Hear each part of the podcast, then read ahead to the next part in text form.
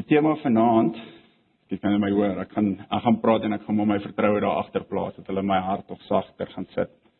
So ek gaan net gesels as dit regtig hard is, moet julle my maar sê. Die tema vanaand is Christen wees en swaar kry. En as ons dit hoor dan dink ek ons dink aan hoekom of waarom laat God toe dat ons as sy kinders of mense in die algemeen swaar kry. Dis miskien 'n vraag wat ons almal al gevra het. Hoekom laat God toe dat ek en jy swaar kry? Maar veral, hoekom laat God toe dat sy eie kinders swaar kry? As ek praat van swaar kry, hieso is dit nie as 'n rugby span verloor of soos die cricketspan wat vandag teen Engeland verloor het nie. Dis nie die swaar kry wat ek van praat nie. As ek sê swaar kry, dan praat ek van Egipte 'n maand of so terug. Ek praat van Libië 2 weke terug. Ehm um, Nieu-Seeland die aardbewing wat daarso getref het. Miskien om 'n bietjie nader tuis te kom, dan praat ek van afsterwe van 'n geliefde een. Praat van dinge wat gebeur in Antipas, hierso in Pretoria. Iemand se kind wat teen hulle draai of iemand se kind wat miskien met dwelms eksperimenteer of iemand wat dalk 'n werk verloor. Dis die klas van swaar kry wat ons mag gaan praat vanaand. As 'n Christen wonder ons, hoekom is dit dat God toelaat dat ons swaar kry? Hierdie week was ek ehm um, vir geleentheid in 'n hospitaal gewees en ek het by die wagarea gesit en wag en daar 'n jong seun, omtrent so 10 jaar oud, in 'n rolstoel en sy pa het hom gestoot tot tot naby die ontvangsdeel. En uh vandat ek die, nog voor ek die seun gesien het, het ek hierdie woorde gehoor. Eina, eina, stop asseblief die pyn. Hou op met die of, of keer dat ek nie meer seer kry nie asseblief, eina. En dit het aangehou en aangehou. Soos ek sê, die seun was omtrent 10 jaar oud gewees. En daaroor is ek weer herinner dat swaar kry is nie 'n normale ding nie. Dis nie iets wat God geskaap het in die begin nie. God het die aarde perfek geskaap en hy het gesê dit was goed en dit was baie goed geweest. So sonde het veroorsaak dat swaar kry in die lewe in ons lewens aankom. Genesis 1 tot 3 gaan lees dit. God het alles mooi geskaap hè. Dit was goed geweest, dit was baie goed. En totdat Adam Eve en Eva gesondig het, wat begin swaar sleg gaan het en almal se straf het swaar kry aangaan. Mense dink o, as jy 'n Christen is, dan gaan jy nie swaar kry nie of mense sê dit selfs. Daai perfekte lewe wat mense dink 'n Christen het, is 'n realiteit, maar ons ons leef dit nie nou nie. Ons lewe in hierdie wêreld tussen mense wat tussen sondaars, um, ons is uit die wêreld uitgehaal as sondaars. Ons lewe nog steeds hierso En ons word herinner elke dag aan aan sonde. Ons kan dit rondom ons kyk. En daarom daai perfekte lewe wat as ek sê wat die realiteit is, is iets wat vorentoe gaan gebeur vir almal wat in die Here glo, almal wat in Jesus glo. Eendag gaan ons dit beleef. Luister na hierdie mooi woorde wat Openbaring 21 vers vers 4. En God sal al die trane van julle oë afvee en daar sal geen dood meer wees nie. Ook droefheid en geween en moeite sal daar nie meer wees nie. Wat 'n wonderlike vers is dit. Dit is regtig waar iets om na uit te sien. Al die trane gaan weggevee word. Ons gaan nie meer hartseer wees nie. Daar gaan nie meer dood wees nie. Dis daai realiteit wat ons aan vashou, wat ons na uitsien. Ek is definitief nie 'n 'n ekspert of 'n goeie kenner van swaar kry nie. Ek ek gaan nie met julle my eie stories deel nie. Ek het nie stories wat vergelyk met baie van julle se nie. En vir daai rede het ek gedink gaan ons na so 2 of 3 karakters in die Bybel kyk of mense. En uh die eerste een wat gewoonlik na my gedagtes toe kom as ek dink aan swaar kry. Dit in Genesis as ons Julle kan so lank blaai na Genesis 50 toe. Ek gaan net twee verse daar lees net nou. Maar die man Josef. Nou as almal onthou van laerskool of van Sondagskool daar af die storie van Josef. Ek seker of ek kan vir enigiemand vra en ek kan vir my sê wat gebeur het. Maar net om net om mekaar te herinner wat het daar gebeur. Josef, 'n jong man op die ouderdom van 17 is deur sy broers in 'n put gegooi. Hulle wou hom eers vermoor. As nie vir die jonger broer was wat broers was wat ingestaan het vir hom nie of ingetree het nie. Hulle wou hom vermoor, sy eie broers. Toe sy in 'n put gegooi en Ismaelite het daar bygekom op pad Egipte toe wat met slawe gehandel het. En dadelik sê hulle kom ons verkoop ons eie broer aan hierdie slawe of aan die Ismaelite sodat hy 'n slaaf kan word en dis toe wat gebeur. Josef eindig toe op in Egipte sonder familie. Sy vriende almal is agtergelaat as 'n slaaf. So hy begin heel onder. Hy moet hard werk en word nie regtig vergoed nie en al daai klas van goeders. Daai is swaar kry. En asof dit nie genoeg is nie, bou die Here sy lewe vir hom op of hy hy laat hom toe om in Potifar se huis op te eindig. En daaroor is Potifar se vrou toe nou weer ook lustig en omdat Josef doen wat reg is, eindig hy weer heel onder hom. Hy eindig op in die tronk vir jare wat hy daarso is. Hy hy gedink die Here het van hom vergeet of die mense ten minste het van hom vergeet daarso. Toe kom die Here, toe dit tyd was, en haal vir Josef uit die tronk uit en hy sit hom in Farao se paleis net voor die droogte 7 jaar voor die droogte die land tref. En vir 7 jaar heers Josef as hierdie leier in hierdie vreemde land waar hy eers swaar gekry het. En aan die einde van hierdie hele storie, wanneer sy broers terugkom na hom toe en sy pa oorlede is en hulle bang is dat Josef nou gaan omdraai en dalk hulle uitmoor of iets. Lees ons hierdie mooi woord. Genesis 50 vers 20 en vers 21. Want julle het wel kwaad teen my bedink. Maar God het dit in goeie gedink om te doen soos dit vandag is. Om 'n groot volk in die lewe te hou. Wees dan nou nie bevrees nie. Ek sal julle en julle kinders onderhou. So het hy hulle dan getroos en na hulle hart gespreek. Josef het definitief swaar gekry. En ons kan ons kan sê hy het nie verdien nie. Hy het swaar gekry. En tog op die einde van die dag, wat het God gedoen met Josef se lewe? God het Josef laat swaar kry en hy het 'n hele volk gered deur een man Josef. Dan is daar nog 'n persoon wat ons ek seker die meeste van ons aan dink as ons dink aan swaar kry en dit is Job. Maar Job het 'n het 'n redelike goeie lewe gehad in die begin. Um in die begin van die boek Job lees ons dat dit goed gegaan het met hom, baie kinders, baie vee, werkers. Hy was wel afgewees en hy was lief vir die Here. Maar tog Job het ook nie iets verkeerd gedoen nie. Ons weet Job was onskuldig geweest. Sy eie vriende het na hom toe gekom. Dis nou nadat sy al sy vee van hom af weggevat is. Al sy ehm um, slawe van hom af weggevat is. Al sy eie kinders is van hom af weg weggeneem. Toe kom sy vriende na hom toe om hom te bemoedig. Maar op die einde toe sê hulle vir Job: Job, sê jammer vir die Here, jy was verkeerd. En Job het geweet hy het niks verkeerd gedoen nie. Job se eie vrou het na hom toe gekom en gesê: "Vervloek die Here en gaan dood in vrede." Of gaan dood. En Job kon dit ook nie doen nie. Job se vriende het geglo dat as jy iets verkeerd doen, dan word jy gestraf daarvoor. Maar as jy dit reg doen, dan word jy vergoed daarvoor en hulle het gekyk na Job en gesê Maar sekerlik Job het iets verkeerd gedoen want hy word nou gestraf vir iets wat hy gedoen het. Dis nie altyd die geval nie. Ek dink is meeste van die tyd werk dit so, maar nie in Job se geval nie. Op die einde van die storie van Job weet ons almal dat Job volhard het en op die einde die Here vir hom twee keer soveel vee gegee en twee keer soveel werkers en en 10 kinders en hy hy was weer wel af gewees. In die boek van Jakobus hoofstuk 5 vers 10 lees ons Neem as voorbeeld van lyding my broeders en van geduld die profete wat in die naam van die Here gespreek het. Kyk ons reken hulle geluksalig wat verdra. Julle het gehoor van gehoor van die lydsaamheid van Job en julle het die einddoel van die Here met hom gesien dat die Here vol medelee en ontferming is.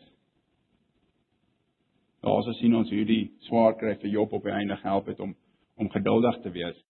En ek dink iets wat Job ook besef het is dat God werk op 'n ander manier. Ons verstaan nie altyd hoe God werk nie. Ek dink ons kan baie leer by Job se storie. Ehm um, maar met dieselfde asem wil ek ook sê dat daar 'n ander soort swaar kry ook is en dit is 'n swaar kry wat ons op onsself bring. Ek sê nie as jy vanaand hierso sit en swaar kry dit is die geval nie. Ek wil net duidelikheid skep tussen hierdie. Ehm um, God laat toe dat ons swaar kry, maar baie kere kom ons uit ons eie uit en ons doen iets aan onsself dat ons swaar kry. En iemand wat ek kan kan dink daaroor is Jonah. Ehm um, die Here het vir hom 'n opdrag gegee en Jonah was ongehoorsaam aan die Here en as 'n gevolg daarvan is op 'n einde oorboord gegooi. 'n Groot vis het hom ingesluk en daarso het hy nou betaal vir sy ongehoorsaamheid. Hy het swaar gekry, maar hy het swaar gekry omdat hy iets verkeerd gedoen het. Soos ek sê, baie keer doen ons dit. Ons veroorsaak dat ons self swaar kry. En dan draai ons en dan dink ons die Here is besig om vir ons iets te leer of die Here is besig om vir ons te wys hoe om geduldig te wees of so. Ja, dit is belangrik dat ons net daai twee verskillende swaar krye van mekaar onderskei.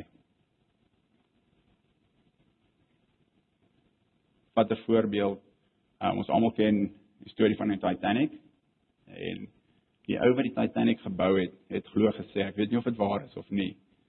Hy het gesê nie eers God homself kan die Titanic sink nie. Nou of hy dit gesê het of nie, hy het dit definitief geglo. Hy was baie selfbewus. Hy het geglo dat hierdie groot skip, hierdie groot werk van 'n mens, dat nie eers God dit kan sink nie. Wat het op die einde gebeur? Die Here het ysblokke in die see gesit en die skip het in hom vasgery. En daarso is 1500 mense dood. Nou kan ons sê, hoe kan God toelaat dat 1500 mense hulle hulle lewens verloor? Maar nou bring ek julle terug na die ou wat die wat die skip ontwerp het. Hy het die skip ontwerp en net 'n sekere hoeveelheid reddingsbote op daai skip gesit. En sy woorde was hy wil nie hê dat die dat die ehm um, die dek, die vlak van die boot te veel goeders het nie. Hy wil hê die mense moet gemaklik daar rond beweeg en van buite af moet die moet die boot lyk soos 'n mooi boot. En so die ou het op die einde van die dag nie genoeg reddingsbote gesit nie. En mense draai na God toe en vra, "Hoe kan God toelaat dat 1500 mense sterwe in iets soos die Titanic?" Ons is nie almal soos Job nie. Ongelukkig het meer van ons het ons nie die status van Job nie. Luister wat sê die Here toe hy met met die duiwel gepraat het in in Job hoofstuk 1 vers 8. Die Here sê vir Satan: "Het jy ag gegee op my knegt Job? Want daar is niemand op aarde soos hy nie. 'n Man vroom en opreg, Godvreesend en wat afwyk van die kwaad." Ongelukkig dink ek ons is meer gereeld soos Jona as wat ons is soos Job. Ek bedoel kan die Here daai woorde van ons sê? Kan hy sê dat ons Godvreesend is, dat ons opreg is, dat ons afwyk van die kwaad? Dit is definitief nie altyd die geval nie. Ek sê ons is meer soos Jona, maar is nie altyd dis nie altyd die geval nie. Ek wil dit net duidelik maak. Ek wil nie hê ons moet onsself flous nie, dit soek maar ek dit noem. Is daar nog vele Nuwe Testament voorbeelde wat ek kan noem. Ehm um, ek dink aan iemand soos soos Petrus en ook Paulus wat albei in die tronk opgeëindig het byvoorbeeld. Hulle het 'n swaar lewe gehad. Maar op die einde van die dag en op die einde van die dag het hulle nog vermoor op deur deur Nero. Maar die Here het hulle lewens gebruik, hulle swaar kry gebruik sodat ons kan leer, sodat ons die woord van God het. Die Here het deur hulle ge, ges, sy woord vir ons gegee. Soms laat God pyn en swaarkry toe vir ons eie beswil. Dit klink dalk nie goed op ons ore nie, maar God laat swaarkry toe vir ons eie beswil. As ek dink aan Johannes 15 waar Jesus sê God is die tuinier en hy kom en as daar 'n lotus wat nie vrug dra nie, haal hy dit uit, maar as daar 'n lotus wat wel vrug dra, kom hy en hy snoei daai loot sodat daai loot meer vrug moet dra. Ehm um, ek ek het geboer vir 'n paar jaar en ek kan julle hierdie storie vertel. Plantseisoen gaan ons in die lande en in ons plantmielies byvoorbeeld. En as dit 'n goeie jaar is, dan reën dit van die begin af regdeur net soos wat ons dit nodig het of net soos die plante dit nodig het. Maar die die jare wat ons die beste plante, die beste mielies gesien het, is wanneer daai plant genoeg reën gekry het om te ontkiem daai saad en dan wortels geskiet het en dan begin groei het en dan so 'n bietjie van 'n droogte gekry het. Nou daai droogte het veroorsaak dat daai daai ontkiemde saadjie wortels skiet. En soos hy wortels skiet, soek hy wortel water. En hy gaan dieper en dieper en dieper af. En die wortels versprei na die kante toe want hulle soek water, daar is nie water nie. Nou die mielies wat in die goeie seisoen geplant is waar daar meer as genoeg reën was of meer as genoeg water, het daai worteltjie geskiet en daar was water en hy het opgehou groei daarso. Die einde van die dag was daar net 'n klein bosie wortels onder daai plant. 'n Klein wortelstelsel. En die wind kom het gekom partykeer en dan deur so land getrek. En dan sien jy hoe lê die mielieplante daarso wat wat nie swaar gekry het nie. Mooi plante, hulle staan mooi hoog en alles, maar die wind kom en waai dit om. Nou die wat swaar gekry het, het 'n wortelstelsel geskiet wat wat gestaan het teen daai teen daai storms. En op dieselfde manier, daai bietjie swaar kry. Gewoonlik op die einde van die dag help dit 'n mens. Is dit tot ons voordeel? Ons beswil. Nog 'n 'n storie wat julle dalk al gehoor het, ek weet nie, maar eendag daar 'n wetenskaplike gestap en hy het 'n kokon opgetel en hierdie kokon was van 'n emperor mot. En hy het hom huis toe gevat, daar op sy lesenaar gaan sit en hy wou graag sien hoe hierdie diertjie uit daai kokon uitkom. Na 'n paar dae het hy sien daar's 'n klein gaatjie op die punt. En 'n dag of twee later toe sien hy hierdie mot begin begin so deurkom daarso op die punt. Hy sien net die kop van hierdie klein mot. Jy het vir 'n uur of so daar gesit en gewonder of net gesien hoe hierdie diertjie swaar kry. Want hy burg homself daardeur. En die ou dag toe neem hy hierdie hierdie mot sit nou vas, so hy gaan nou sy dissekteermesie vat en hy gaan hom oopsny dat dat hy kan vrykom. Die ou doen dit toe. En hy sien toe maar hierdie mot het net so 'n klein vlekkie, so 'n verrimpelde, verkrummelde, verkrimp 'n klein vlekkies. En sy voorlyf is dun en sy agterlyf is dik. En die ou verstaan nie hoekom hierdie mot misvormd is nie.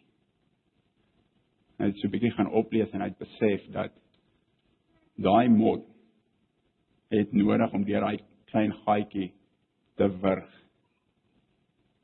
sodat daai vloeistof na sy vlerke toe forceer word en dat sy vlerke mooi stewige sterk vlerke kan word en dat die res van sy lyf mooi lank kan word.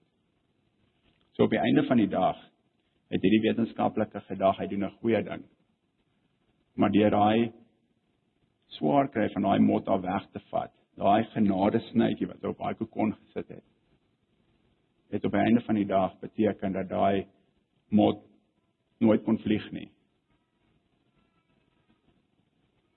die rede hoekom ek daai storie vertel is net weer eens.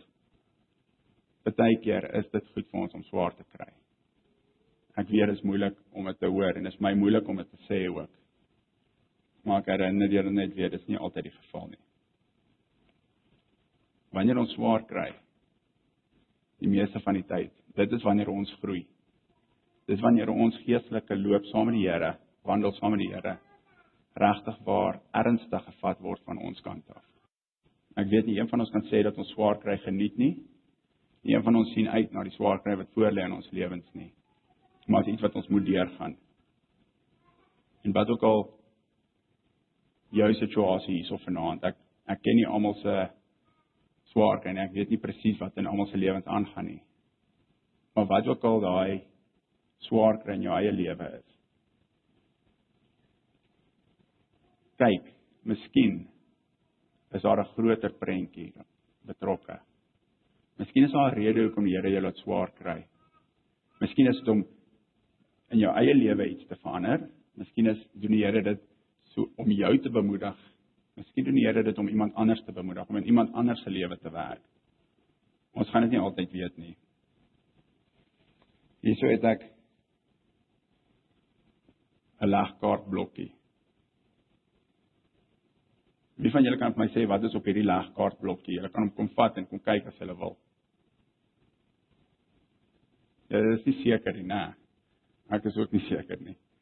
Maar as 'n mens vat hierdie legkaart blokkie op sy eie beteken dit niks nie. Op sy eie weet ons nie waarvoor hierdie blokkie staan nie. Maar as ons dit in konteks sien, dan kry ons die, die legkaart, die groot prentjie. Nou hierdie klein blokkie maak hierdie legkaart volledig. Hierdie klein blokkie is miskien ons swaar kry vandag. Miskien ons hele lewe. Ek weet nie maar totdat ons hom saam met die res van die legkaartstukke sien, verstaan ons nie wat waarvoor hierdie klein stukkie staan nie. Ons ons verstaan nie wat se prentjie hierdie legkaartblokkie moet uitbeeld nie. Dink net as ons nou aan die einde van ons lewe kom en ons kyk terug. En soos ons terugkyk, sien ons hierdie legkaart, ons lewens. En hoe daai daai swaar kry. Daai daai week in Maart maand of wanneer ook al. Hoe daai swaar kry in hierdie prent inpas dan dink ek ons gaan gerus wees. En as ons voor ons kyk, sien ons 'n ewigheid. 'n Ewigheid saam met die een wat hierdie prentjie geskilder het. Maar die hartseer is, as ons daar staan en ons kyk terug en ons sien hierdie legkaart en ons sien, ons verstaan hoekom daai swaar kry. Hoekom dit daar was en waar dit inpas. Maar ons kyk vorentoe. En ons het nie die geloof nie. Ons het nie geglo in Jesus nie. Ons het nie geglo dat God wel in beheer is nie, dan gaan ons in 'n baie hartseer posisie wees. Want dan is dit swaar kry agter ons en swaar kry wat voor ons gaan wees. Ons het net genoem oor Josef. Josef het swaar gekry. Dis Josef se swaar kry gewees. Wat was die groot prentjie? Die groot prentjie was God wat 'n hele nasie red deur daai een persoon wat dit swaar wat swaar gekry het in sy lewe. Job hy het swaar gekry sy lewe groot prentjie iemand wat God se naam verheerlik het iemand wat sy vertroue totaal en al op God geplaas het die apostels by einde van die dag het ons die woord van God wat hulle wat God deur hulle vir ons gelaat het en dan daar 'n legkaart stuk wat wat baie meer as al daai beteken en daai legkaart stuk is die dood van Jesus Christus en sy opstanding Miskien sit ons hier vanaand en en ons sien daai legkaartstuk. Maar ons verstaan nie hoe daai legkaartstuk hierdie hele prentjie voltooi nie. Jesus Christus het die swaarste gekry wat enigiemand ooit sou swaar kry, kan swaar kry. En sy lewe is gebruik. Sy lewe, sy dood, sy opstanding is gebruik om vir ons 'n ewigheid in glorie te kan koop. Die Here gebruik dikwels, ek het dit vroeër genoem, maar die Here gebruik dikwels ons lewens om met iemand anders te praat. Die Here gebruik iemand soos Lukas miskien as Lukas swaar kry. Kyk die mense van buite af hoe Lukas dit hanteer. En miskien verander iemand anders se lewens as gevolg van die manier waarop Lukas daai swaar hanteer. En baie versigtig wees. Ekskuus. Baie versigtig wees hoe ons ons swaar hanteer.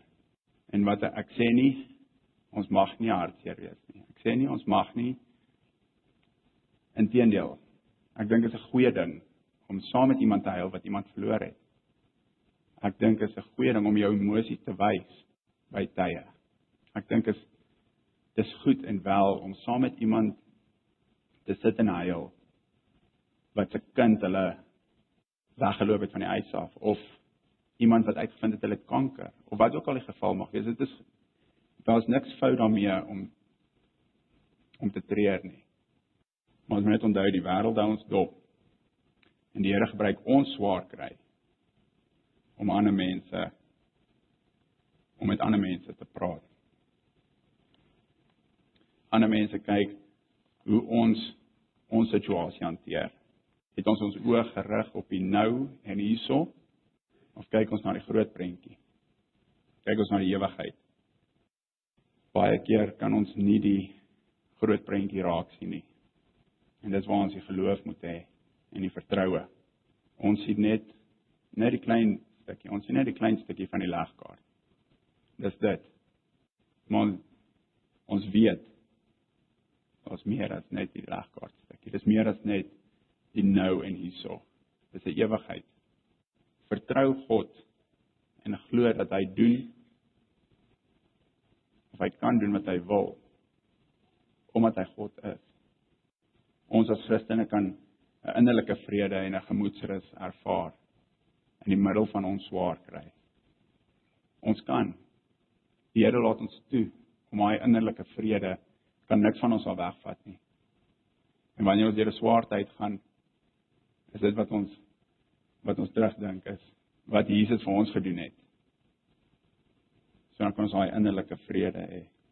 1 Korintiërs 13, ons het net nou praat ek mense Engelse gesing, nou verder in daai hoofstuk lees ons in vers 12. Nou kyk ons nog in 'n dowwe spieël en sien 'n raaiselagtige beeld maar eendag sal ons alles sien soos dit werklik is. Nou ken ek net gedeeltelik, maar eendag sal ek ten volle ken soos wat God my ten volle ken. Nie wonderlike woorde nie. Hierso sê Paulus vir ons dat ons ons sien alles nou soos 'n dowwe spieël, maar een van die dae, eendag sal ons alles duidelik sien. Ons sien waaroor dit reg gaan. God het sy seun gestuur vir ons om vir ons te kom betaal hierso. Dis 'n wonderlike prent van van omgee en van liefde. Wat is swaar kry julle ook al vanaand deurgaan of deurgegaan het. Onthou dat God die Vader sy eie seun gesien het na die aarde toe kom sodat ek en sodat jy 'n ewigheid saam met hom kan hê. Sy swaar kry. Jesus se swaar kry. Het vir ons almal 'n ewige lewe gekoop. Dit is vers vir ons om om te onthou as ons vanaand huis toe gaan of die res van die week. Dit is Romeine 8 vers 28. Ons weet dat God alles ten goeie laat meewerk vir die wat hom liefhet. Die wat volgens sy besluit geroep is. So almal wat deur God uitverkies is. Almal wat God se kinders is. Almal wat God liefhet. Die dinge wat in ons lewens gebeur, gebeur daarso. En God laat dit alles ten goeie uitwerk. Partykeer laat God ons bietjie swaar kry sodat ons kan kom op die pad. Sodat ons hom weer kan volg. Dit is nogal 'n klein prys om te betaal. 'n baie klein prys om te betaal vir 'n ewigheid in glorie. Ek wou gehad het ons moes 'n 'n videoetjie kyk wat ongelukkig werk dit nou nie vanaand nie. Ek gaan ons bid en dan na dit gaan ek vra dat ons ek dink is nommer 38 in die boekies It is well with my soul sing. Net voordat ons dit sing, gaan ek julle net vertel kort kortweg wat die storie is agter daai mooi him, daai mooi lied wat geskryf is. Buig saam met my dat bid ons. Ons Hemelse God en Vader ons ons dankie dat U in beheer is. Ons dankie dat U ons liefhet.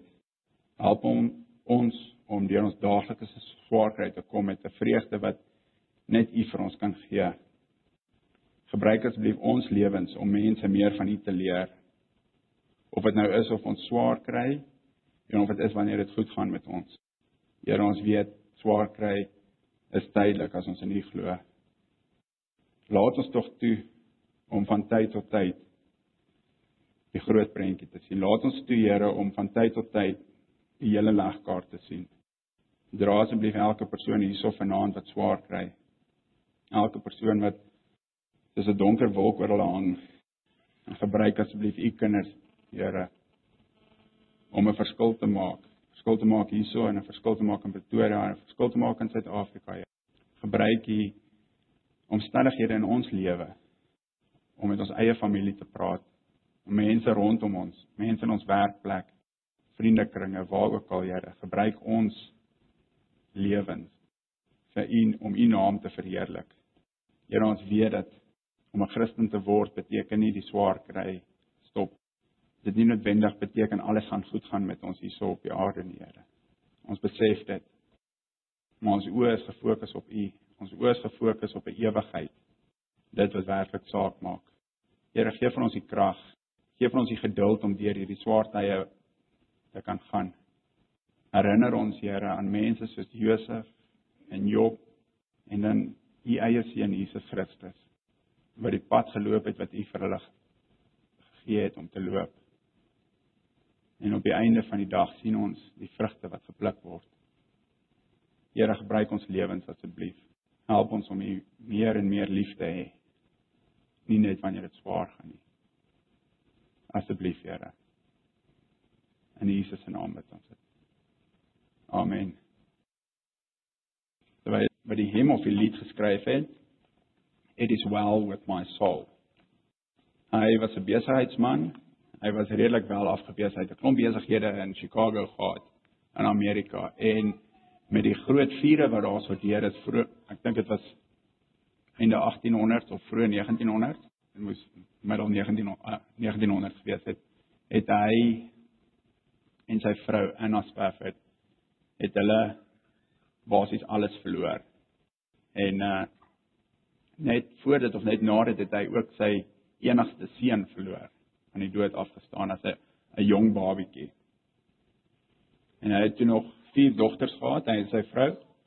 En na die groot vuur in Chicago, hy was vriende gewees met D.L. Moody, is hulle Engeland toe om bietjie vir Moody te gaan help gaan bystaan in sy bediening daarso. En op 'n laaste minuut is Horatio teruggeroep om besigheid te doen in Chicago. En hy het sy familie vooruitgestuur, sy vrou en sy vier dogters.